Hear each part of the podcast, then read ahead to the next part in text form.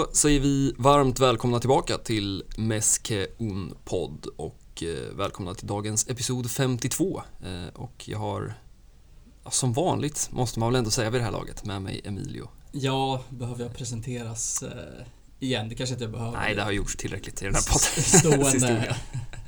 ett stående inslag. Ett stående inslag i denna podd. Ja, Eh, något som också tyvärr har blivit, ja, inte ett stående, men ett sluttande inslag i Xavis Barcelona är ju resultaten. Eh, och vi har varit, eh, varit glada och uppspelta under den här våren, men eh, mm, riktigt sådana är ju inte känslorna eh, de senaste, ja det är ett par veckor nu i alla fall. ja, det verkar väl som att bensinen har tagit slut i La Chavineta Mm. nu under slutet av säsongen. Och Mm. vi, det känns som att vi står här helg efter helg och garanterar någon form av trepoängare Mm. mot något liksom halvdassigt Cadiz och ett Rayo Vallecano som har liksom gjort Ja, det, liksom- de har inte heller en vårsäsong att minnas, Nej. förutom då möjligtvis eh, där vi kommer komma till nu då. Precis, Eh, deras formtopp var väl typ i oktober, november någon gång Mm. känns det som. Ja, upp och Eh, nosa på Champions League-plats efter, ja, inte bara efter de här liksom fyra, fem omgångarna som, som det känns Mm. som att det alltid är för den där popnykomlingen som kommer upp. Men det var väl ändå en 10-12 matcher in på säsongen där de hade, ja, inte 30 pinnar, men, men liksom 22-23 eh, och var riktigt på gång. Eh, men ja, det är väl ett understatement att säga att de störde Barca på Camp Nou. De eh, ja, sprang väl i mångt och mycket över Barca på Camp Nou. Ja, och en gång ett jäkligt lojt Barcelona. Mm. Och det är väl lite det som är det som oroar. Att Xavi har ju haft sina peptalks efter Mm. uttåget ur Europa League, efter Cadiz-förlusten. Och liksom gått ut att vi måste vi måste liksom inse att vi går för den här andra platsen. Eh, Men den motivationen verkar ju inte finnas. För jag kan inte se att det är något annat än någon form av motivationsproblem. Nej, lojt är ju ordet. Eh, det var någon som, som twittrade ut att sådär, det är fascinerande med fotboll och form och känsla i ett lag. Eh, för det är så oerhört svårt att förstå att i princip, vi var inne lite på det förra veckan, att vi vet att Pedri saknas, men i övrigt så är det ju samma lag som åkte till Bernabéu och vann med Mm. 4-0. Eh, samma lag som har slagit liksom eh, både Sevilla och Athletic Bilbao och har stått för starka, starka insatser under våren. Eh, men eh, ja, det är det där förrädiska landslagsuppehållet eh, Ja. tror jag, som vi så många gånger har bevittnat. Eh, och som, som har lett till en trippel 14-15 efter Ja. mycket om och men. Eh, men eh, ja, det blir ju knappast några tripplar den här säsongen. Nej, det får väl Mm. vara någon form av vändpunkt eh, under den här våren som Mm. såg så jäkla bra ut. Mm. Men vi ska, väl, vi ska väl beta av den här eh, gråa insatsen eh, och försöka bena ut vad som, vad som gick fel. Eh, och vi kan väl börja med att konstatera att det var ett ja, i princip ordinarie lag som Xavi kunde ställa på banan. Gerard Piqué saknades. Ja, och Dest fick eh, spela högerback Mm. eh, från start. Mm. Eh, och eh, nej, det var väl någon form av gala 11 så gott som det går Mm. när Piqué är out. Och Pedri då, som sagt. Och Pedri såklart. Eh, men eh, vad hjälpte det när, när Rayo är på besök? Eh, Tidigt ledningsmål. ja, och eh, Nu ska vi väl stå här och prata om Marc-André Ter Stegen. Igen. Kanske. ja, Ehm, Det är väl ett, och även ett försvarsspel och en, ja, vad ska man säga, koncentrationsförmåga hos Serginho Dest som, ja, det ser ju väldigt, väldigt, väldigt enkelt ut. Det är ett fint fotbollsmål, men det är också ett försvarsspel och ett målvaktsspel som inte får en att känna att det är ett lag som håller 20 nollor i La Liga. nej. Och det, ja men så är det. Det är liksom, ja men det ska väl lite på Dest och lite på Ter Stegen och Mm. lite försvarsspel och så blir ju summan så mycket större liksom. Mm.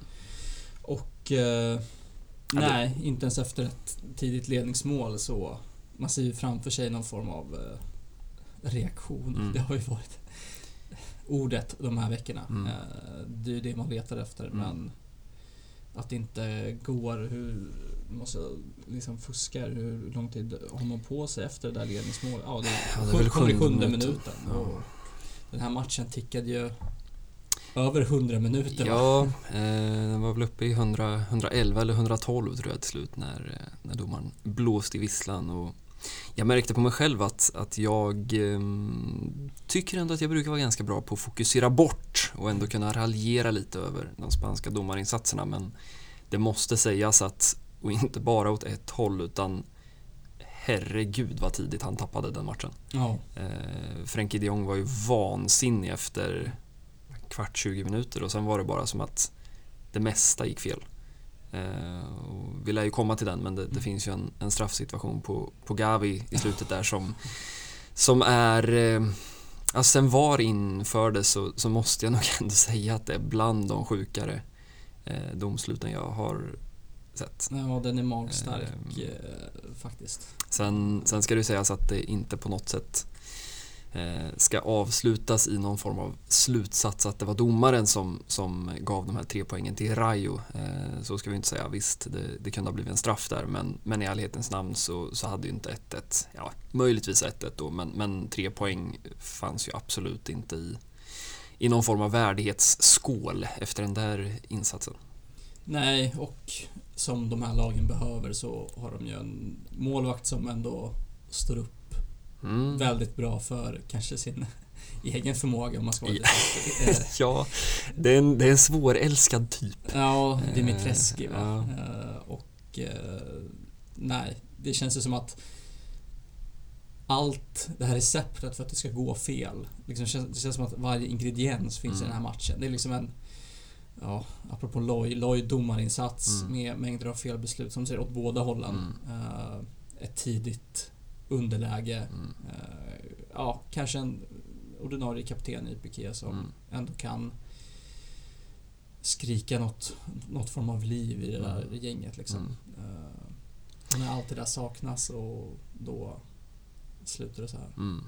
Ja, vi har, ju, vi har ju kritiserat Piqué i 42 minuter häromveckan. Men vi, vi, jag tror att vi pratade en del om det kanske än mer när, precis när Xavi kom och även en del under, under slutet av Koman-eran. Eh, bristen på ledarskap. Eh, och vi har väl lyft liksom Ronald Araujo eh, som någon typ av ledarfigur. Men, men just där så, så finns det väl inte så mycket att, att, liksom eh, säga annat än att när Gerard Piqué inte finns med då är laget fortfarande ganska jag vet inte vad rätt ord är, inte identitetslöst men, men känslan är att det saknas Visst, det, det finns väl inslag men, men liksom två, tre spelare som bara tar tag i det. Eh, det känns inte riktigt som att det, det existerar. Nej, och liksom ha- hade Barcelona spelat eh, liksom vunnit den här matchen med två, tre bollar och Mm. allt hade varit frid och fröjd så hade vi inte stått här och pratat om att det saknas någon form av ledare på plan. Utan det är ju när det blåser, alltså när det är Mm. motvind. Mm. Då den här lilla gnistan som behövs, den Mm. finns ju inte där. Varken från en, eh, en Busquets eh, som... ah, han- är ju inte den här liksom hetlevrade ledartypen och Mark Ter Stegen, ska han leda laget Nej, det är svårt att, att göra det på så, på så sätt såklart. Ja, mellan de stolparna, det är... Nej, och jag tänker om man, om man ska liksom dra en parallell till, jag menar Atletico behöver inte prata om. De kanske snarare skulle behöva spela lite fotboll istället för att, eh, ja det saknas ju inte direkt eh, hetsporrar där. Men, men för, att, för att ta liksom Real Madrid och spegla sig där så, så finns det en Karim Benzema, det finns en Luka Modric. Nu har Sergio Ramos försvunnit, men, men känslan är att det finns spelare där som, som tar tag i en match. Mm. Eh, och då kan man väl återigen, för att dra ytterligare en parallell, prata lite om Pedri igen. Som vi har pratat om så många gånger att känslan är att när det behöver hända något så vänder man sig till Pedri. Precis. Och när han inte finns där så, ja, det är ju Ousmane Dembélé som, som ska göra det. Eh, det är ju verkligen känslan. Eh, jag vet inte om det var var det Gusten Dahlin eller kan det ha varit som, som twittrade att eh, återigen så är eh, Barcelona Ousmane och tio andra. Mm. Eh, och lite så är ju, är ju känslan. Ja, och det... Han, han visar väl i alla fall någon form av vilja liksom. Mm. Han liksom visar ju sin frustration när när det inte går som det ska. Mm. Eh, och ja, vi hade en Frenkie de Jong som också visade frustration men kanske av andra anledningar Ja, när han blev ehm, utbytt efter... Ja, vi, vi kanske ska stanna till lite vid eh, Mm. Frenkie de Jong som ju, ehm, ja, för att ge lite bakgrund så har han ju haft, han har haft det ganska tungt eh, och är väl också en spelare som eh, de fansen på, på Camp Nou har varit, eh, ja men man har betydligt närmare till att kritisera holländaren Frenkie de Jong jämfört med den egna produkten Gavi eller Eh, nu ska vi inte Made in La Masia Fiera Pedri här Nej. som Twitter-kontot gärna gör. Men, men de så att säga inhemska spelarna i alla fall. Eh, och han har ju varit upp och ner i prestation. Och det är väl få som i ärlighetens namn kan sitta och säga att det som man tänkte när man såg den där eh, matchen mot Real Madrid en vårdag 2019. Ja, Eh, det är svårt att säga att han har levt upp till den enorma potential som man tyckte sig se. Eh, sen är det fortfarande en förbannat bra fotbollsspelare. Men det såg ju inte speciellt bra ut, varken under matchen, precis som du var inne på, en del reaktioner mot domaren och det får man ju göra. Men det fanns också några kroppsspråk vid bolltapp som är eh, ja, alltså, djupt problematiska. Mm. Eh, och eh, det som med den bakgrunden så har man ju så sjukt höga förväntningar och Mm. jag tror att alla vill att det ska se ut som det gjorde i Ajax. Mm. Det, det är det man vill ha. Mm. Eh, Och det har ju också funnits glimtar, alltså liksom förra våren när det ungefär var eh, för att använda samma rytmik, Messi, Pedri, de Jong Mm. och åtta andra. Eh, men eh, nej, känslan är att det inte riktigt eh, fungerar. Ja, och som alltid så följer ju snabbt transferryktena. Mm. Eh, och han har väl varit kanske den som har ryktats bort allra Mm. mest. Det pratas väl om United och det eh, fick ju ännu mer eh, liksom, eh, spridning med när, nu när Ten Hag är Mm. klar där. Mm. Eh, det- PSG finns också, eh, klassiker att Ja. kunna slänga in, lite som vi var inne på att Ernesto Valverde går alltid att slänga in i en tränardiskussion Precis. så går PSG alltid att slänga in i Pengarna en finns där, liksom. Det- det ja, vet man. Precis. Ehm, men eh, ja, det är också en liksom, ny take på transferrykte som man fick ta del av där att eh, även tidningarna var medgav att ja, visst, Xavi säger att han ska stanna. Mm. Men klubben vill annorlunda. så tro inte på Xavi, tro på Nej. oss. Ehm, och med det sagt så är det ju inte svårt att räkna ut att Frenkie de Jong är en av ganska få spelare i dagens trupp som faktiskt skulle kunna generera mycket pengar eh, vid en försäljning. Och ehm, ja, vad politikern Laporta och rockstjärnan Alemani eh, sitter och planerar, det, det vet man ju inte. Men, men faktum är ju att hur man än vrider och vänder på det så och oavsett vad man tycker om tidningsrubriker så är ju Frenkie de Jong en av spelarna som faktiskt skulle kunna säljas för att få in kapital. Mm. Sen var väl Jordi Cruyff ute och Mm. lugnade det där lite grann Mm. med att säga att han är en värdefull del av laget och Mm. alla värdesätter honom och jada jada jada. ja. Nej men det är, jag vet inte, just det där, för de här ryktena har ju funnits Alltså i princip innan han, alltså han skrev på i januari och kom till sommaren, Mm. fan redan i mars fanns det väl rykten om, om PSG. Mm. Men, men just det här kroppsspråket och den här långa walk of shamen och sen att han ska då ha gett sig ner direkt i omklädningsrummet för Mm. att sen visserligen återvända då, eh, tack och lov får man väl ändå säga. Mm. Eh, men det, det, den grejen känns ändå, det känns som ytterligare en nivå och lite liksom som ett nytt lager på, på allt det här. Ja, han, han är väl en av de spelarna som man lätt kan se när frustrationen liksom bubblar fram. Det är Mm. inga, han har väl inte världens bästa pokerface. Han kan ju liksom slänga sig med armar och Mm. huvud när det kommer en felpassning eller ett bolltapp från Mm. han eller någon annan. Eh, eller när han inte får den här passningen som han eh, så gärna vill ha. Mm. Eh, och nej, det är såklart inte kul att se. Nej, och samtidigt, man kan ju då fundera på, det är klart att eh, det är den här eviga diskussionen, men, men det är klart att man ska vara besviken också när man blir utbytt efter en timme och ligger Mm. under med 1-0. Eh, och kanske, ja, nu vet jag inte, det, det kändes som att Xavi kunde ducka allt det där ganska mycket av någon Mm. anledning. Eh, men man kan ju också tänka att ja, det är precis så här det ska vara. Han ska vara skitbesviken och Nico ska komma in och göra ett, ett bra jobb och that's Mm. it. Ehm, kanske lägger man för mycket värdering i det, jag vet inte. Men någonstans så vet ju också Frankie att alla vet ju eh, vad kameran fokuserar på när man blir utbytt. Ja, Mm. det är ju honom i närbild. Och eh, mm, man kanske ska spela sina kort lite smartare. Ja. Ehm, med det sagt så var det väl inte fel att byta ut honom efter en Nej. timme. För att det var ingen, det var ingen stor match, ingen match att komma ihåg från, eh, från holländaren. Verkligen inte. Ehm, och det var väl fallet tyvärr för ganska många andra också. Ehm, och det är svårt samtidigt, och tror jag i alla fall, eller så, så, att, så att du och kände att den här spelaren eh, sticker ut i negativ bemärkelse extra. Nej, det var väl... eh, Det var väl någon form av ren kollektiv Mm. besvikelse. Mm. Eh, Det är klart min känsla också. på... När man ser Osman Dembélé så har man ju så höga förväntningar nu för tiden. Mm. Eh, Men det är klart att det inte kan gå varje gång. Och så ser man en Luke de Jong komma in och så tänker man att nu kanske det kan hända något. Mm. Men han lyckades väl, väl med en misslyckad eh, bicykleta som träffade, Ja. träffade huvudet på en Rayo-spelare. och Man kände att ens eget huvud satt ganska skönt där hemma i soffan och inte framför en fot på Super Luke. Precis. Ehm, nej men det blev väl egentligen aldrig, vi, vi ska väl inte liksom eh, älta matchen minut för minut men, men man kan väl ändå sammanfatta det som att det blev egentligen aldrig Alltså, det är klart att Rayo föll hem och Mm. maskade från i princip halvtid och framåt och att Barca därmed kunde etablera någon form av tryck men, Mm. men med facit i hand så nu har inte jag sett någon XG-statistik från matchen. Men känslan var väl ändå att det egentligen aldrig blev riktigt så farligt som man tycker att det borde vara.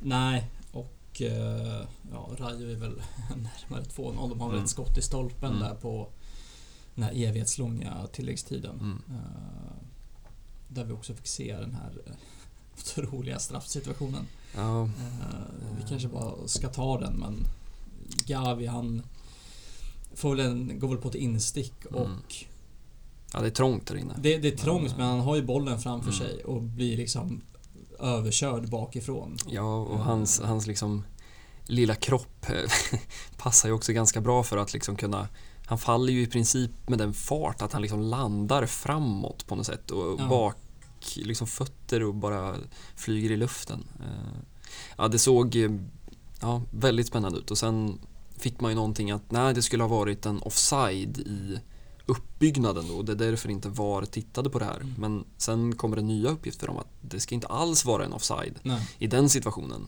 Vilket väl då innebär att VAR har inte tittat på straffen utifrån en offside som blev fel. Eh, och det gick också ganska fort, alltså den där kollen. Det var ju inte Mm. en sån här fem minuters koll som Nej. det brukar kunna vara. Eh, men eh, Om man ser repris, alltså domaren har, ser, ser ju den situationen perfekt. Han är ju precis vid straffområdet. Eh, och ja, det är ju inte en soft penalty i alla nej, fall. så, så mycket kan man väl slå fast. verkligen. Ehm, Men som sagt, eh, det fanns ju större problem än domaren den här kvällen. eh, Även om, även om, han, var, om han var ett av problemen. Ehm, Du bara nämnde Serginho Dest som ju fick Mm. spela men klev av efter 45 med eh, känning och det är väl lite oklart eh, om jag förstått det rätt eh, vad status är där. Eh, Ja, det jag har läst mig till är väl tyvärr att säsongen är över. Mm. Att det är någonstans fyra, fyra sex veckor Mm. eh, out som gäller. Mm. Och eh, ja, då Det blir Danny D som då högerback. Av Alves säsongen. på, på den där högerbacken. Mm. Eh, och eh, nej, men vi surrade precis om det innan vi tryckte på inspelningsknappen att Mm. truppen börjar ju ta stryk nu Mm. inför den här sluttampen. Mm. Vi har både Mingesa och en Braithwaite även om Mm. Han kanske inte är en Nej, jag tänkte säga, är det som- två spelare man får någonstans välja, då, då är det nästan de två. Precis. Eh, som är out med Covid. Mm. eh, som fortfarande spökar eh, där nere. Mm. Och Nico Gonzales som har en bruten tå. Ja, det, man fascineras alltid av de där. man tänker att eh, skicka in en spruta. Men Ja. eh, det är klart, man vill ju ha kvar sina, sina tår. Eh, han ska ju ha dem ett par år till. Ja, Ehm. och den skadan... Jag kan väl i ärlighetens namn inte göra någon eh, sån bedömning om eh, vad det kommer sluta i, Nej. liksom tid utanför spel. Eh, det känns som att det där kan läka på en vecka men också Ja, nej man, man förstöra ju, en säsong. Ja, vi ska, vi ska und, undvika de medicinska utlåtandena härifrån. Vi kan väl bara konstatera ett eh, truppmässigt utlåtande att eh, Ricky Push eh, faktiskt närmar sig speltid och då vet man att det har eh, hänt en del på, på frånvarolistan. Ja, verkligen. Eh, och eh, nej, men det blir väl spännande att se att se om han kan ta vara på den här chansen som Ja. det ändå kommer att vara nu med Ja, men det får man ju ändå säga. Han är väl liksom första, första alternativ Mm. på, på de mittfältsplatserna. Eh, om inte Xavi ska fortsätta att spela Ferran Torres som någon slags avancerad mittfältare i sin jakt på kvitteringar. Mm. Eh, jag vet inte om vi har någonting mer att säga om den här eh, väldigt dunkla insatsen. Nej, men bara en otrolig liksom missad Mm. chans. För vinner man den här matchen så har man ju nio poäng ner till Mm. Ett Real Betis som Mm. vi kanske ska gratta eh, för cupsegern mot Eh, Valencia. Och notera att en viss Juan Miranda Mm. eh, slog in den där avgörande straffen. Eh, har ju haft en ganska tuff säsong i, i Betis. Var ju riktigt på gång, framförallt förra våren. Mm. Men eh, har ju blivit förpassad till bänken av den evigt ettrige Alex Moreno. Eh, Som också haft en eh, toppsäsong får man ju säga. Måste man också säga, Eh, verkligen. verkligen Eh, producerat. Vilket ju säger en del om var Real Betis befinner sig just nu. Mm. Eh, när man har den, det finns ju liknande konkurrens på, på många positioner i, i det här laget eh, just nu. Nej men stort såklart och eh, kanske framförallt känner man väl lite extra i vanlig ordning för Joaquin som får lyfta den där bucklan igen. Precis, och även eh, Manuel Pellegrini Såklart. som eh, är fortsatt underskattad eh, som Ja, tränare på något sätt. För evigt underskattad tror Han- jag faktiskt. Gjorde ju en väldigt bra säsong med Real Madrid Mm. ska man ju säga. Det var väl så att han hade väl otur att han ställdes mot, eh, Ja, mot Eh. Barcelona just där och då för de poängen som de tog räcker ju i vad är det, 99 av 100 fall till den ligatiteln. något i det fallet. Om det, Eh, ja. Och Malaga och insatser på den sydamerikanska kontinenten Ja. också. Ja, det är en fin, ehm, fin tränare och en fin, fin trupp överlag måste jag säga. Den är, den är lätt älskad med Verkligen. Panda José på topp och Nabil Fekir Mm. och eh, jag ska inte glömma Sergio Canales på tal om evigt underskattade spelare. Mm. Ja, nej men på tal om, om det där så mm, vilka lag man vill, vill möta så här på slutet det väl, kan väl också bara vara en reflektion Mm. att, att ta med sig. Vi ska väl återkomma till den kommande matchen eh, om en stund men, men just det där vilka lag man vill möta nu eh, och ofta så kan man titta på ett spelschema och tänka att oh, det här är lite tuffare eh, än något annat. Men faktum kvarstår ju att när man ser de insatser som Ja, vi kan väl bara slänga in i en passus då att, att Camp Nou-matcherna är nu då torsk Frankfurt, torsk Cadiz och torsk nu senast då också mot Rayo. Mm. Ehm, vilket ju är det är ju häpnadsväckande på sitt sätt. Ehm, det är ingen resultatrad man vill stå och rabbla upp. Men, men med facit i hand så, så kan man ju i alla fall konstatera att eh, Frankfurt är vad det är. Det är en liksom, kvartsfinal i Europa League, det är dubbelmöten. Det är intensivt såklart. Eh, men ser man till de 100 Ja, vad är det totalt? Inte 180 minuter, det är väl så här 225 minuter som liksom Cadiz och Rayo totalt har lagt ner och Mm. den insats, arbetsinsats de har lagt ner så, så kan man väl konstatera att ja, det är ändå speciellt att möta de här bottenlagen i det här, i det här stadiet av Mm. säsongen.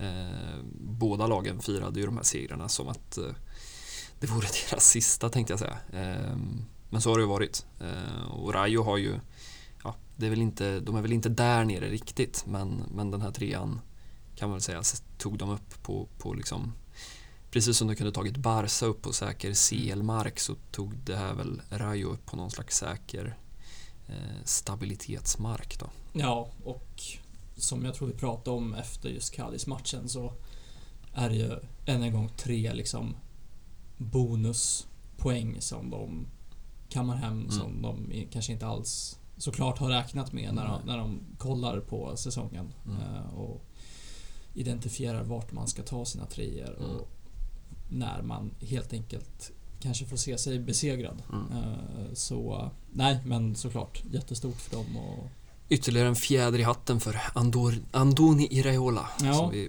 väl bara nämnde kort eh, förra veckan. Just det. Eh, sitter väl på ett utgående kontrakt om jag inte missminner mig och känslan är väl att det finns ett jobb där i Athletic Club Mm. förr eller senare. Som väntar. Ja.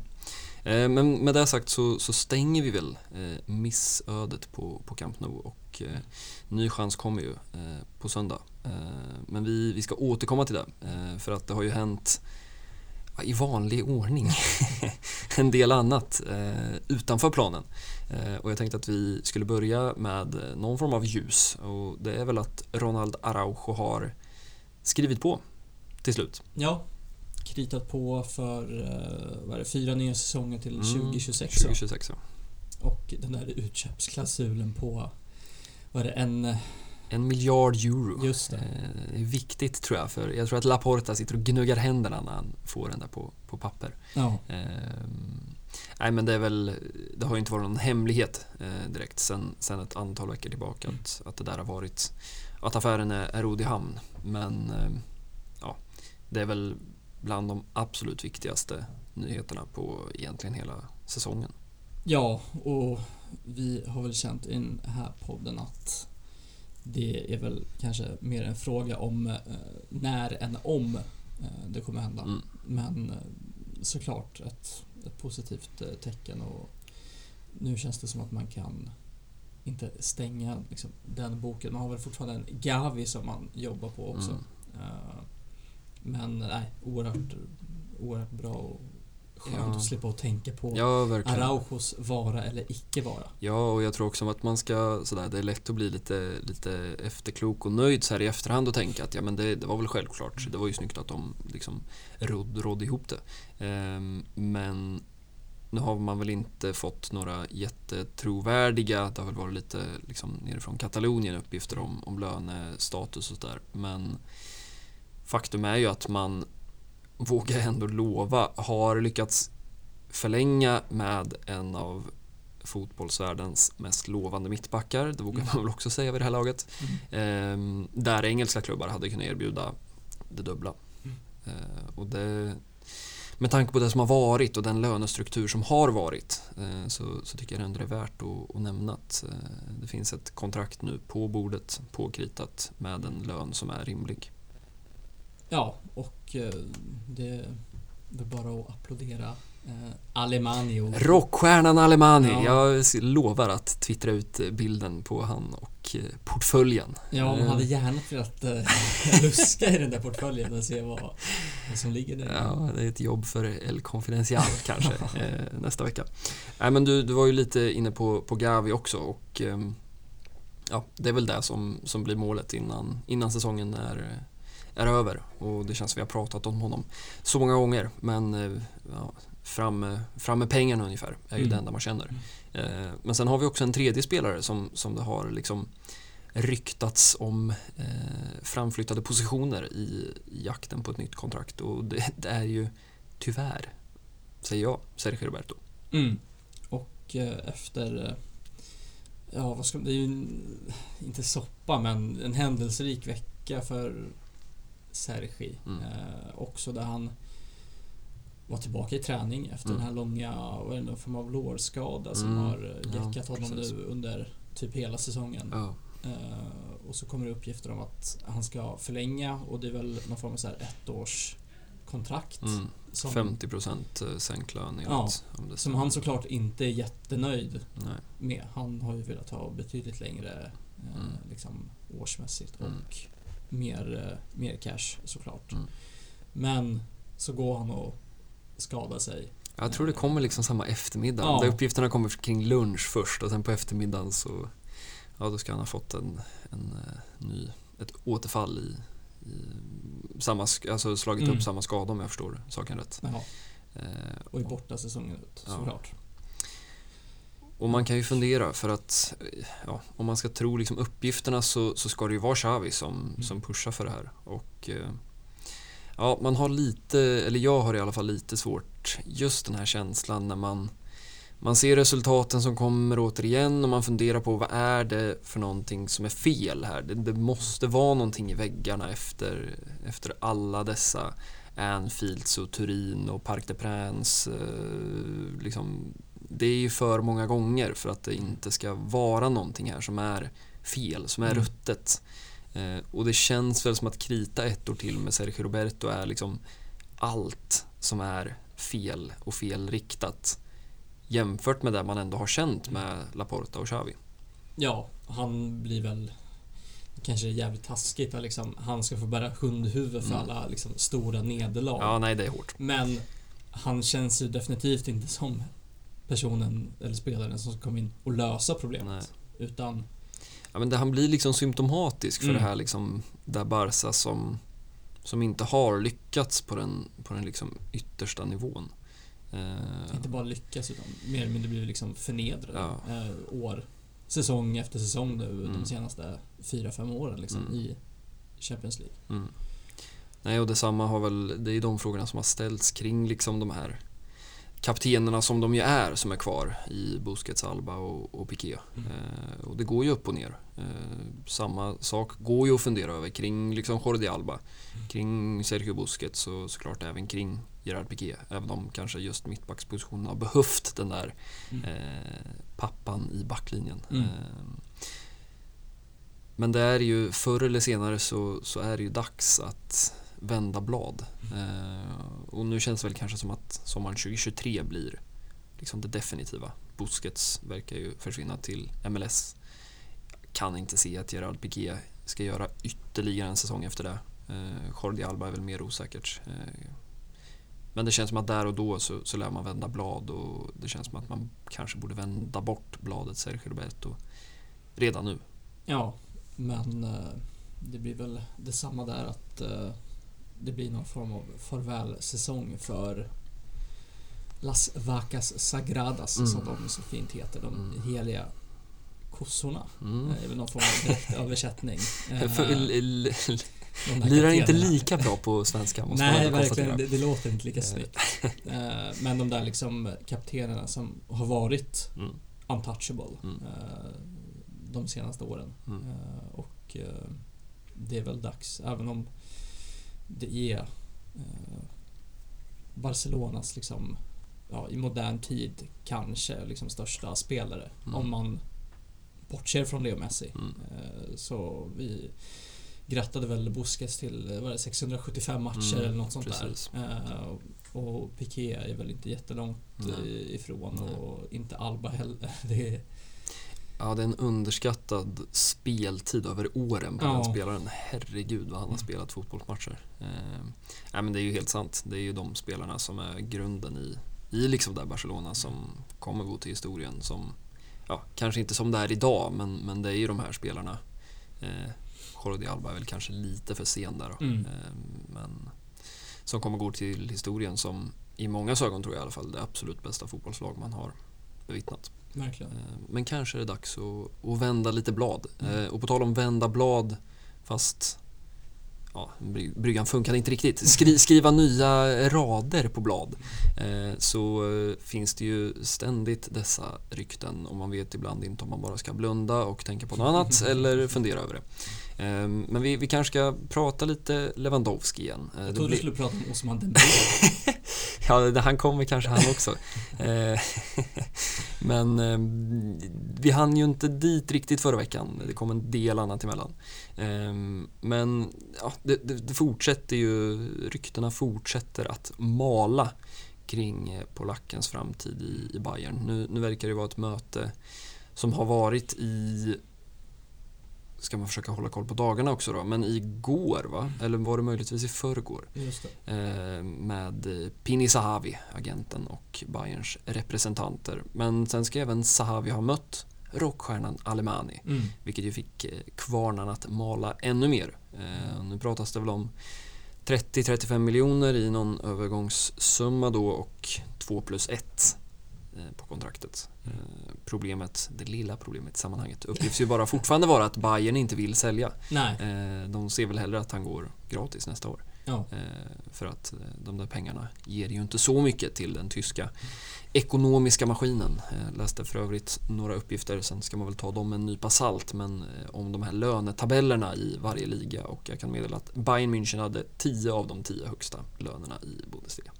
Ja. Och tog också sin tionde raka ligatitel här i Ja, det var väl i helgen va? Ja, skål på den. Ja, så att eh, de eh, 30 miljoner eurosen Mm. klarar de sig nog utan. Ja, Ehm, Men, men det var väl den lilla uppdateringen. Eh, Sen kanske vi också ska prata lite vänsterback. På tal om att Jordi Alba har spelat många matcher. Eh, Balde har ju hamnat i det här eh, förfärliga limbot mellan bänkplats i A-trupp och ja, icke-kontinuitet i B-lag. Eh, och det har väl varit klart ganska länge att klubben letar efter den här eh, billiga i sammanhangen, liksom backup-lösningen. Mm. Eh, sen för mig så kvarstår ju fortfarande liksom frågetecknet vem som ska ta över det där för att Alba är ju inte 25 längre. nej. Eh, Men Tagliafico var ju nära i januari. Den här veckan har det pratats om Grimaldo igen och Xavi Galan. Just det. Eh, från Celta Vigo, Mm. eh, Garanda.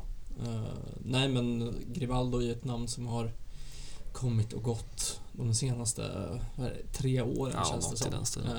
Så fort han uppmärksammas för sina insatser i, i Benfica Mm. så är man ju snabb på att prata om någon form av återkomst. Mm. Men där ska väl, om jag har förstått det rätt, vara så att han har stängt dörren till någon form av förlängning i Benfica. Ja, precis. Och eh, det låter väl eh, lovande. Eh, Ja, det är väl en rimlig lösning på, Mm. på alla kanter och, och håll.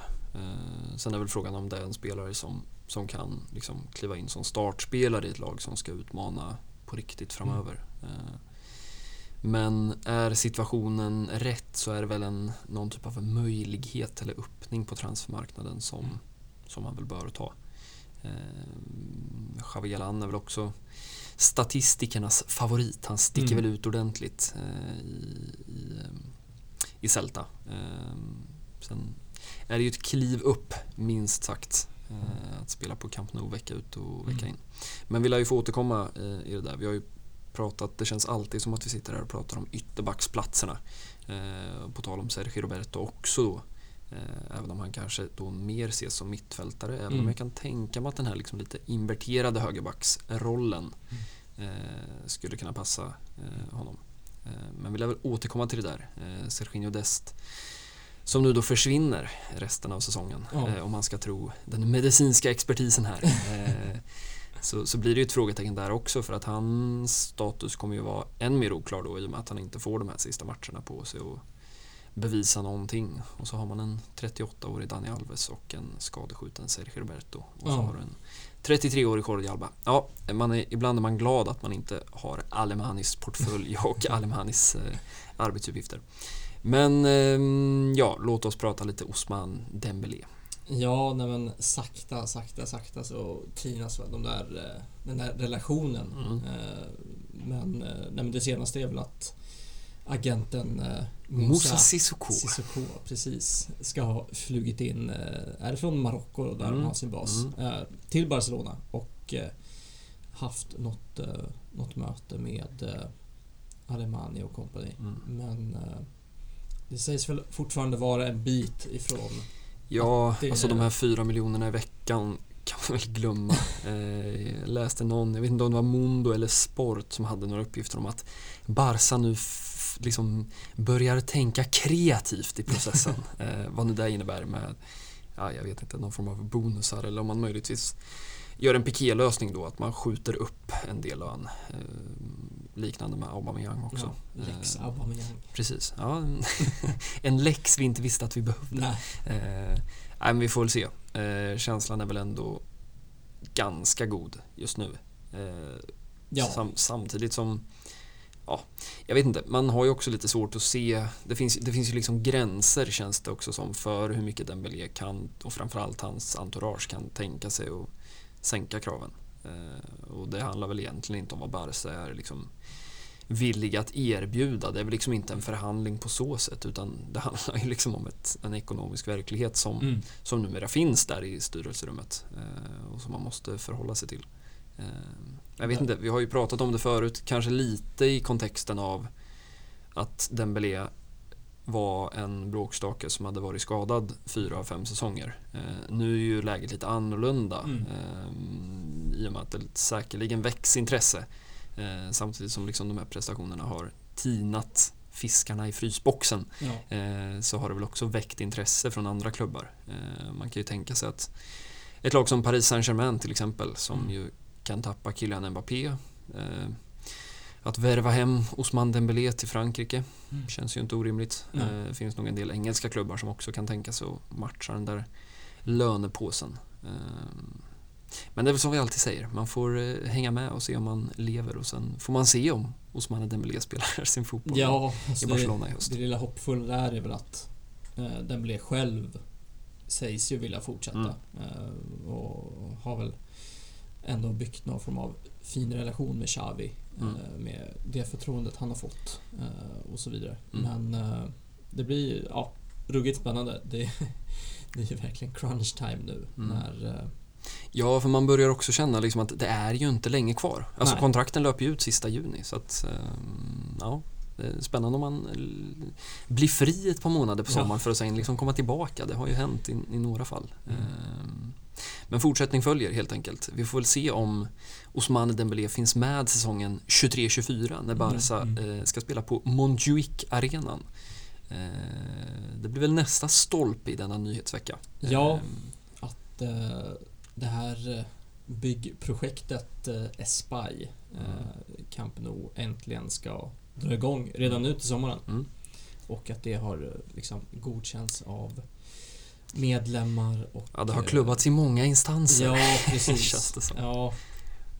Och eh, nej men det blir väldigt spännande. Det är väl någon form av så här fyrastegsraket. Man Mm. kommer väl kunna spela på Camp Nou under en säsong Mm. medan de bygger. Men sen flyttar man till eh, Montjuic Mm. och sen flyttar man tillbaka till Camp Nou Exakt. säsongen efter det. Men då bara med liksom hälften Mm. så många... Vilket fick mig att lyfta lite på, på ögonbrynen. För att visst, ja, kapaciteten Montjuic den tar väl typ 60 tror jag. Ja, 60-62. Eh, och visst, ja, hälften av nya arenan ska väl ta 105, Mm. något i den stilen. Så visst, det är väl i princip samma sak då. Men jag funderar lite på det, ja, ska man spela där inför... Det blir väl någon slags Real Madrid-lösning då. Eh, man har ju sett ganska många spanska arenor i och för sig som har haft det här deppiga liksom täcket som... Eh, här pressändningen Ja. över liksom eh, halva staden. Ja, ja, men lite Friends Arena när Mm. de liksom ska försöka få det att se utsålt ut när Sverige Mm. möter Georgien i VM-kval. Liksom. Ja, nej men eh, klart är det ju i alla fall. Och ehm, ja, för den som har chansen så eh, kan jag ju säga att man ska nog passa på att besöka den här eh, gamla olympiska arenan som det ju är. Som ligger eh, ja, lite på höjden kan man väl säga. Ja, det är väl för- uppe på en, eh, på en, eh, på en kulle. Ja, liksom. precis. För den som har koll på sitt, sitt Barcelona så, så eh, kanske man har åkt den här linbanan där någon gång. Mm. Det finns ju egentligen två utkiksplatser. Antingen är det linbanan eller så får man liksom korsa hela stan och bege sig upp i Park Giel. Eh, Men med det sagt, har man, har man vägarna förbi så Ja, jag tror att det kan bli eh, Ja, det är en fotogenisk eh, arena. Även Ja. om det inte är Camp Nou. Och det Nej. kommer finnas liksom en problematik i det där att eh, Ja, vi pratade om att liksom Frankfurt-supportrar tog över Camp Nou. Nu kommer kanske inga Frankfurt-supportrar ta över Montjuic, men jag tror inte man ska underskatta liksom känslan av, av hemmaarenan. Nej, verkligen. Uh, för detta Espanyol Arena Mm, också. precis. eh, hemmaarena. Innan de fick eh, sitt eh, nybygge. Mm. Kan bli ett speciellt derby då. Liksom. ja, verkligen. Och eh, stora minuset måste vi ändå slänga ut för löparbanorna. ja, nej, de har väl sin charm, men ja, nej. för det är ju Herregud. liksom en stor friidrottsarena Ja, i princip. ja. Med eh, tjocka, tjocka löparbanor Mm. mellan, och det är väl, ser väl ut att vara typ 100 meter mellan, mellan närmaste sittplats och fotbollsplanen. Ja, det blir ingen, det blir ingen kokande kittel. Nej. Eh, Så mycket, så mycket kan vi väl konstatera. Eh, Men vi kan väl också konstatera att så här, läget är väl ändå ganska gynnsamt. Jag tänker det är inte allt för många städer, alltså många städer har väl en alternativ arena, men så här, ja, det finns ändå en rimlig lösning här. Eh, Det hade ju varit betydligt jobbigare att behöva bege sig till, till liksom Espanyols hemmaarena i, i en säsong. Ja, eller spela på stad i Ja. Liksom. eh, Även om det nog hade varit ganska många så logistiska problem med ja Femini och Barca B. Lapp på luckan också kring dem. Mm. eh, 5000 Ja, i och för sig, då, då kanske äntligen blir fullsatt Ja. i någon match. Det kommer fortfarande sitta folk som hellre tar en öl på plazan istället för att dra dit dem med sina säsongsplåtar. Ja, nej men projektet är igång. Eh, Jag vet inte vad dina känslor är. Vi, jag tror att vi bara har liksom vidrört det där någon gång när det liksom lades fram. Och, Mm. Men att liksom betongkamp Nou nu ändå försvinner och kommer ersättas av någon slags liksom galleria-arena. Ja, och jag har väl bara landat i att det känns ganska ofrånkomligt Mm. att Barcelona sugs in i, i liksom den i den utvecklingen. Mm. Eh, Vi har sett vad det är. Tottenham Hotspur Stadium och Mm. allt vad det nu är. Wanda Metropolitano för Ja, all del. Wanda är väl det stora eh, spanska liksom, liknelsen där. Mm. Eh, nej, men det är väl... Hoppas väl på att det blir så bra som möjligt. Mm. Laporta har väl slagit på den stora trumman och sagt att det blir världens bästa arena. Ja, Eh, jag vet inte vad, vad det liksom vad man lägger i den definitionen riktigt.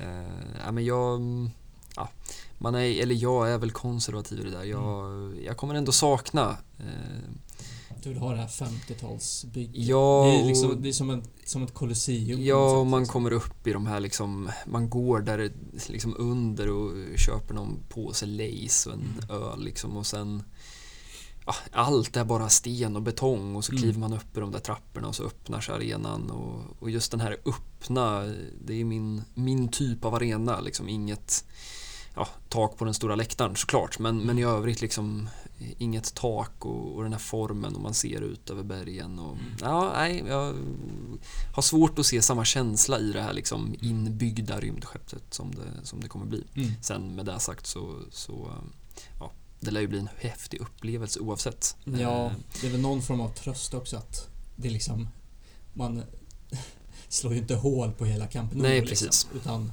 det är ju någon form av så här, total renovering. Eh, Det kommer ju fortfarande stå där Ja, det står nu. ja. Och det är också, det är nästan kanske ännu töntigare i någon slags konservatism att så här, ja men egentligen varför? Men det är klart, ja, en plats är en plats och den Ja. är väl helig på sitt sätt. Mm. Eh, Så det har du helt rätt i. Mm. Eh, Sen ska vi väl också nämna att liksom den här hela Espai Barca-grejen innehåller ju en jäkla massa grejer. Eh, ja, det är inte bara en ny liksom, fotbollsarena. Nej, utan det är ju hela komplexet kring, Ja. kring arenan och det ska byggas hotell och, och den här inomhus Palau, eh, Mm. Blaugrana som det heter, arenan för eh, det är väl basketen och den här svårdefinierade liksom, innebandyvarianten som de Ja, det får någon sån här landhockey Ja. och sen är väl handbollslaget Mm. eh, också där. Mm. Ska också få sig ett upplyft. ja. Ehm, Men som sagt, två rekommendationer denna, eh, denna vecka. Åk till Barcelona och Montjuic eh, den säsongen och framförallt se till att åka till den där betongkolossen innan den, innan den försvinner. Ehm, Romantiken i mig har ju tänkt att det finns ju en match här som är perfekt för att tacka av Leo Messi och det är ju den sista matchen på Camp Nou. Mm. Eh, eller på Camp Nou, men på den gamla Camp Nou då. På Spotify Camp Nou. Ja. Eh, ja, nej, det är, ehm, det är väl vad det är Ja, eh, i, eh, i slutet av dagen. Eh, men vi ska, vi ska kliva vidare, vi ska prata lite fotboll på planen igen. Eh, jag vill bara skjuta in att Ronald Koeman har gjort ytterligare en, eh, en intervju. Eh, han, är inte, han har inte blivit mindre frispråkig Nej. efter, efter att han Han har blivit ju fått kickad. fart på de där eh, Ja, intervjuerna i ja. Ehm, holländsk TV. Men jag vet inte, det var ju några liksom sådär godbitar som man kunde ta med sig. Den här liksom ja, kritiken mot Laporta är man ganska trött på i det här Mm. laget. Och han betonar ju också att det här poänggapet till Real Madrid det har ju, det har ju blivit större. Sen glömde han väl att nämna att ja, nu är det en andra plats och då var det en nionde plats. Jag vet inte om det försvann någonstans Ja. på vägen. Ehm, Men det jag fastnade vid var att han ehm, Ja, kanske har han lyssnat på Meski Umpod för vi har ju hyllat filosofen Koman för sitt Luke de Jong-uttalande. Eh, och nu fick vi det också på pränt. Eh, han sa väl något i stil med att eh, ja, jag sa ju det där om, om Luke de Jong och hans spel i boxen och Ja. titta nu hur många poäng han har vunnit. ja, det är väl, eh, vad sa han, han hade så här 6, 7, 8 pinnar han har. han har vunnit med sina mål liksom. Det, Ja. det ska man ju ha. Det är sant. Ehm, Men jag trodde, jag trodde inte när det där citatet kom från Koman att han sen då, ja, vad är det nu, åtta, nio månader senare skulle stå, stå och hylla sig själv Ja. för det citatet. Nej, han Ehm, det känns ju otroligt liksom småaktig. Han, Ja, man... han har ju fortfarande inte kommit över det känns det som. Nej, och man ska väl också så här, nu står vi och tycker att det är lite kul att raljera över Koman. Eh, Man ska väl också liksom ha respekt för, vilket vi har pratat om tusen gånger, men för den spelaren han var och sådär. Men med facit i hand så han gör det ju inte lätt för sig själv. Nej. Eh, Det kanske bara är bäst att, att vara tyst och Ja, han kan väl liksom bära med sig för evigt. Vi vet att han släppte fram Pedri och vi vet att eh, Griezmann försvann. Som att det skulle vara ett problem. Ja. Eh, ungefär. Men eh, ja, jag ville bara ha det sagt. Ja. Ehm, men det ska spelas fotboll eh, även eh, denna vecka. Denna helg. Ganska, ganska snart ju. Ja, Eh, söndag 21.00 Mm. så kommer Real Mallorca på Mm. besök. Och jag Eh. tänker att vi inte ska göra det vi gjort de senaste veckorna utan någonstans slå fast om att det blir noll pinnar Ja. Så får Nej, vi se vi vad, vad går in som händer. underdog. Det är som Pep Guardiola säger när liksom rymdskeppet skeppet City går in i semifinal. Är vi är glada att vara här. Ja, Ehm, ja, ibland har man svårt för Pep Guardiola också. Eh, jag noterar att Barca hade en sån här barbecue-middag här i Just veckan. Eh, och det är väl någonstans den liksom yttersta åtgärden. Eh, när det har gått riktigt, riktigt dåligt. ja Då blir det barbecue. De, de italienska lagen drar väl någon sån här Silencio Stampa Ja. och åker på någon sån här retiro upp i bergen för att ha något sån här träningsläger i Schweiz eller någonting. Ja. I Barcelona så är det liksom lag, lagmiddag, Mm. laggrillen. Grillade man- tomater med Ja. Jordi Alba. Ja, gillar vi. Och eh, ja, jag vet inte om det om de känner det själva att jaha, nu är vi här på laggrillen. Det, det, det, är inget bra utan det betyder ju bara att vi har varit så jävla pissdåliga liksom. Ja, frågan är om de tänker hela vägen runt. Och, Ja. eh, känns som att Jordi Alba mest är glad för att äta entrecote liksom. Ja. Eh, nej, men det, det ska spelas fotboll eh, och ja, precis som du säger, vi ska akta oss för att efterlysa de där tre poängen. För, för det som är lite intressant blir ju att man ska inte liksom, det är inte exakt samma matcher men, men lite så är det ju faktiskt liksom tredje chansen nu då för lag i liksom Ja, men man kan väl ändå klumpa ihop de tre, alltså Cadiz, Rayo och Mallorca. Det, det är ju lag på den undre halvan. Mm. Även om visst, då Rayo kanske är det spelande, Cadiz är det backande och Mallorca är väl någonstans mitt emellan då Mm. kanske. Eh, Men det är ändå liksom liknande utmaningar eh, alla tre. I, Ja. eh, liksom hemmaplan och bottenlag. Och det är ett Mallorca som är två poäng över Mm. eh, de här eh, nedflyttningsplatserna. Mm. Eh, Medan Rayo som säger är mer av ett mittenlag Mm. ligger väl på ja, 10-11 någonstans. Mm. Så man möter ju ett Mallorca som fightas för överlevnad. Mm. Och som vi såg mot Cadiz som är samma sak så är ju det bland det svåraste man kan göra. Särskilt när formen ser ut som den gör. Ja.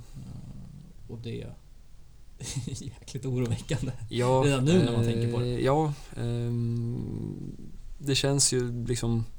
Ja, det skulle behövas en islossning. Lite så känns det ju. Jag menar, går man nollade igen nu? Eh, ja, nej, då, då börjar det ju sätta sig i huvudet och då börjar också... Då börjar det liksom bli lite prekärt. Alltså det, är fortfarande, det finns ju fortfarande poäng att tappa och, och, och att den där Champions League-platsen ja, den är ju liksom fortfarande Barsas. Ja. Men ja, alltså en missad, en kollaps de sista fem matcherna och Mm. missad Champions League-plats. Det skulle vara ett slag som ja, det är väl svårt att egentligen förutse konsekvenserna av. Ja, verkligen. Man har ju de här sex pinnarna ner till Bettis nu. Mm. Ett Bettis som man också ska möta Mm. på bortaplan. Mm. Eh, Ja, det kan bli en ångestladdad match om Ja. det går fel liksom tills dess. Ehm, det lilla liksom det lilla man ändå kan ta med sig är att just att eh, direktkonkurrenterna Sevilla och Atletico Madrid och Mm. ja, också Real Betis om vi får räkna in dem mm, där på femteplatsen också har ett väldigt svårt mm. schema. Mm. Eh, Ja, det lär ju tappas poäng på håll och kanter. Så Ja, känns det väl som. Men känns det att eh, alltså, Barcelona har ju inte råd att tappa tre pinnar hemma Nej. igen. Nej, Efter att ha gjort det två gånger. nej. Så är det. Ehm, och kanske varken i, i liksom poängskörd men framförallt i känslan tror jag. Ja. Framförallt. Det behöver vända nu. Eh, och jag tänkte på det, det, det är inte så många veckor sedan man satt här och funderade på om det finns en liga kvar Mm. att kämpa om. Och det är väl återigen så där hur, hur fort det går i fotboll. Verkligen. Eh, Real vänder på, på eh, Ramon Sanchez Pizjuan och sen åker man till eh, Manchester och förlorar med 4-3 men blir tokhyllad ändå efteråt och det känns Ja. som de har vunnit med 3-0 och Mm. Barca som var så extremt hyllade och man satt bara och väntade på att oj, hur ska vi fundera Mm. på, eh, ska man fira den där Europa League-titeln Mm. eller inte? Och helt plötsligt så, ja, tre, fyra veckor senare så är det andra, Mm. andra tongångar. Ja, Ehm, och det är väl ett också att Real Madrid, vi kan väl bara säga det så alla har med sig det, också kan avgöra ligan rent matematiskt nu i helgen. Mm. Eh, Man behöver väl en pinne mot eh, Espanyol. Mm. Eh, Så är den där Som inte är sena på att bjuda till va? Nej, det känns väl såklart att det är Espanyol man Ja, möter. ja. Eh, Så är den ligatiteln klappad och klar. Eh, Jag vet inte om vi ska, eller om vi ska, vi ska väl säga några ord om, om Mallorca också. Det är väl ett, ja, är det det mest anonyma laget i, i ligan? Ja, det är men inte lite så. många gånger man tänker på Mallorca under en säsong. Nej, men Eh. också ett lag som känns som de har sprattlat dit. De Mm. slog väl Atletico Madrid av alla Mm. lag på hemmaplan Precis. för ett par veckor sedan. Ja. Eh, Och har väl fått den här Vedat Moriki som Precis. har kommit in och Fyrtorn. ja, och ändå på något sätt levererat och Mm. är den spelaren som har gjort de här viktiga målen. Mm. Eh, Javier Aguirre på tränarbänken nu för tiden också ska vi väl nämna som en del i Ja, han hatar ju inte fyrtorn, denna pragmatiker. Eh, som ju, ja, jag vet inte, vad folk, kommer folk ihåg att han har varit i Atletico Mm. Madrid? Eh, tveksamt kanske, men Espanyol och framförallt känner väl folk igen honom från tiden i Leganes. Som han ju på något mirakulöst sätt höll i La Liga ett tag. Mm. Eh, med Martin Braithwaite. Ja. Eh, och Youssef El Nesiri. Det var ett Ja. eh, udda men älskvärt anfallspar. eh, Verkligen. Under en, under en tid. Los Pepinos. Ja, som väl är inte helt borträknade tror jag i Mm. kampen i segundan där nere.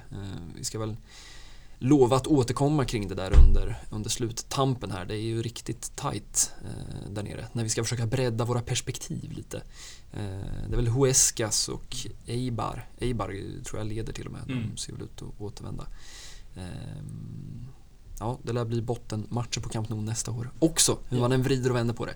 Ehm, Men Mallorca har ju ändå, eh, du nämnde Murico, Muriki som, ehm, ja, kanske den som ska göra det. Mm. Men, men där bakom så finns det ändå en del sköna namn. Eh, Du har ju Salva Sevilla som väl är, ja, gud vet hur gammal han är. Mm. Eh, Och så har du ju Ständiga gråhåriga Salazar. Ja, Det får man ändå säga. Han, känns som att han haft det där gråa håret sen han var liksom, han tog studenten gråhårig. ja, lite så. Nej, men och sen har man ju Take Kubo där och, och um, Kang In Lee också. Det. Dessa eh, asiatiska underbarn som man bara väntar Ja. på ska slå. Mafio på den där högerbacken. Gamla Ja. Girona och eh, var väl något City-lån. Mm. Eh, De Ja. samarbetsklubbar de där två. Ja, fast i City Group eh, Ja. Där vill man inte hamna. Sergio Rico i mål. Mm. Nej, men på mitten. Och, ja, det, det är ändå liksom namn som om man tänker sätt ihop det här lite snyggt så, Mm. så ska ni kunna säkra ett La Liga-kontrakt. Ja, Eh, men det är väl det de har haft problem med. Ja. Eh, Jag kollade deras track record och Mm. innan den här segern mot eh, Atletico i början av april så Mm. hade de ju sju raka Mm. förluster. Ja. Eh, Ja, för att det, känslan var väl lite att de förde en väldigt kanske anonym tillvaro för att Mm. det kändes ganska lugnt. Mm. Eh, och nu är det som att de liksom har halkat dit eh, på något sätt. Men det vore väl en, en liksom Ja, en jäkla avslutning för dem att, att klå Atletico och eh, klå Barca då på Camp Mm. Nou och på så sätt, jag menar de där sex poängen då, det, det säkrar väl ett kontrakt i Mm. princip. Mm. Eh, och jag tror att du nämnde där redan liksom, eh, förra veckan att de här lagen börjar få upp vittringen. Alltså Rayo kanske åker dit nu och, Mm. och känner att det finns en chans och lite samma sak måste det ju ändå vara för Mallorca. Eh, Ja, de blir väl inte... Det känns- känns väl inte sämre efter att ha sett debaclet mot Cadiz. Nej, jag kan tänka mig att liksom, också mot Rayo. Ja men Aguirre vevar liksom de här sekvenserna på någon dass i VHS Ja. nere på ön liksom. Eh, Det är så här vi ska göra liksom. ja. Ja, nej men... eh, Nej men det blir väl eh, noll poäng. i, i helgen. Det, det är min Ja. prediction. Eh, vi kanske bara ska, mm, ja, förutom att det, resultatet redan är klart, då, eh, fundera lite över startelvan då. Eh, kan ju tänka mig att en Piqué har knuffat in några sprutor finansierad av Saudiarabiska fotbollsförbundet i, Ja. i sina ben och eh, känns ändå som att det blir en startplats där. Ja. Eh, vilket kanske gör att Araujo knuffas ut och Garcia tar plats. Mm. Eller så vågar man spela Dani Alves. Mm. Eh, jag vet inte. Eh, För Mingesa är ju inte alls som sa Covid-19 och nej, precis. inte alls att räkna med just Nej. nu. Eh, och Alba får väl spela där på vänsterkanten som Ja. vanligt. Ja. eh, Och i, och i övrigt så känns det väl inte som att det är så mycket att välja på. Nej. Alltså den här frontsexan nu, ja, det är väl de som är tillgängliga. Man Mm. kan väl sätta ett litet frågetecken för Memphis Depay då, om Mm. han ska kliva in antingen som spets eller som vänster ytter.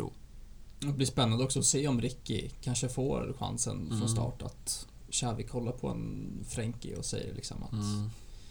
Nu måste vi ha någon form av förändring. Ja, Eh, det vore, jag tror inte att han Nej. vågar göra det. Alltså.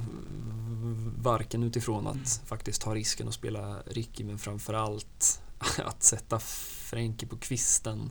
Efter det som Ja, hände kan... då, då har vi spekulationer i katalansk press. Ja, Eh, då är väl efter övergången till United klar. Ja, lite så.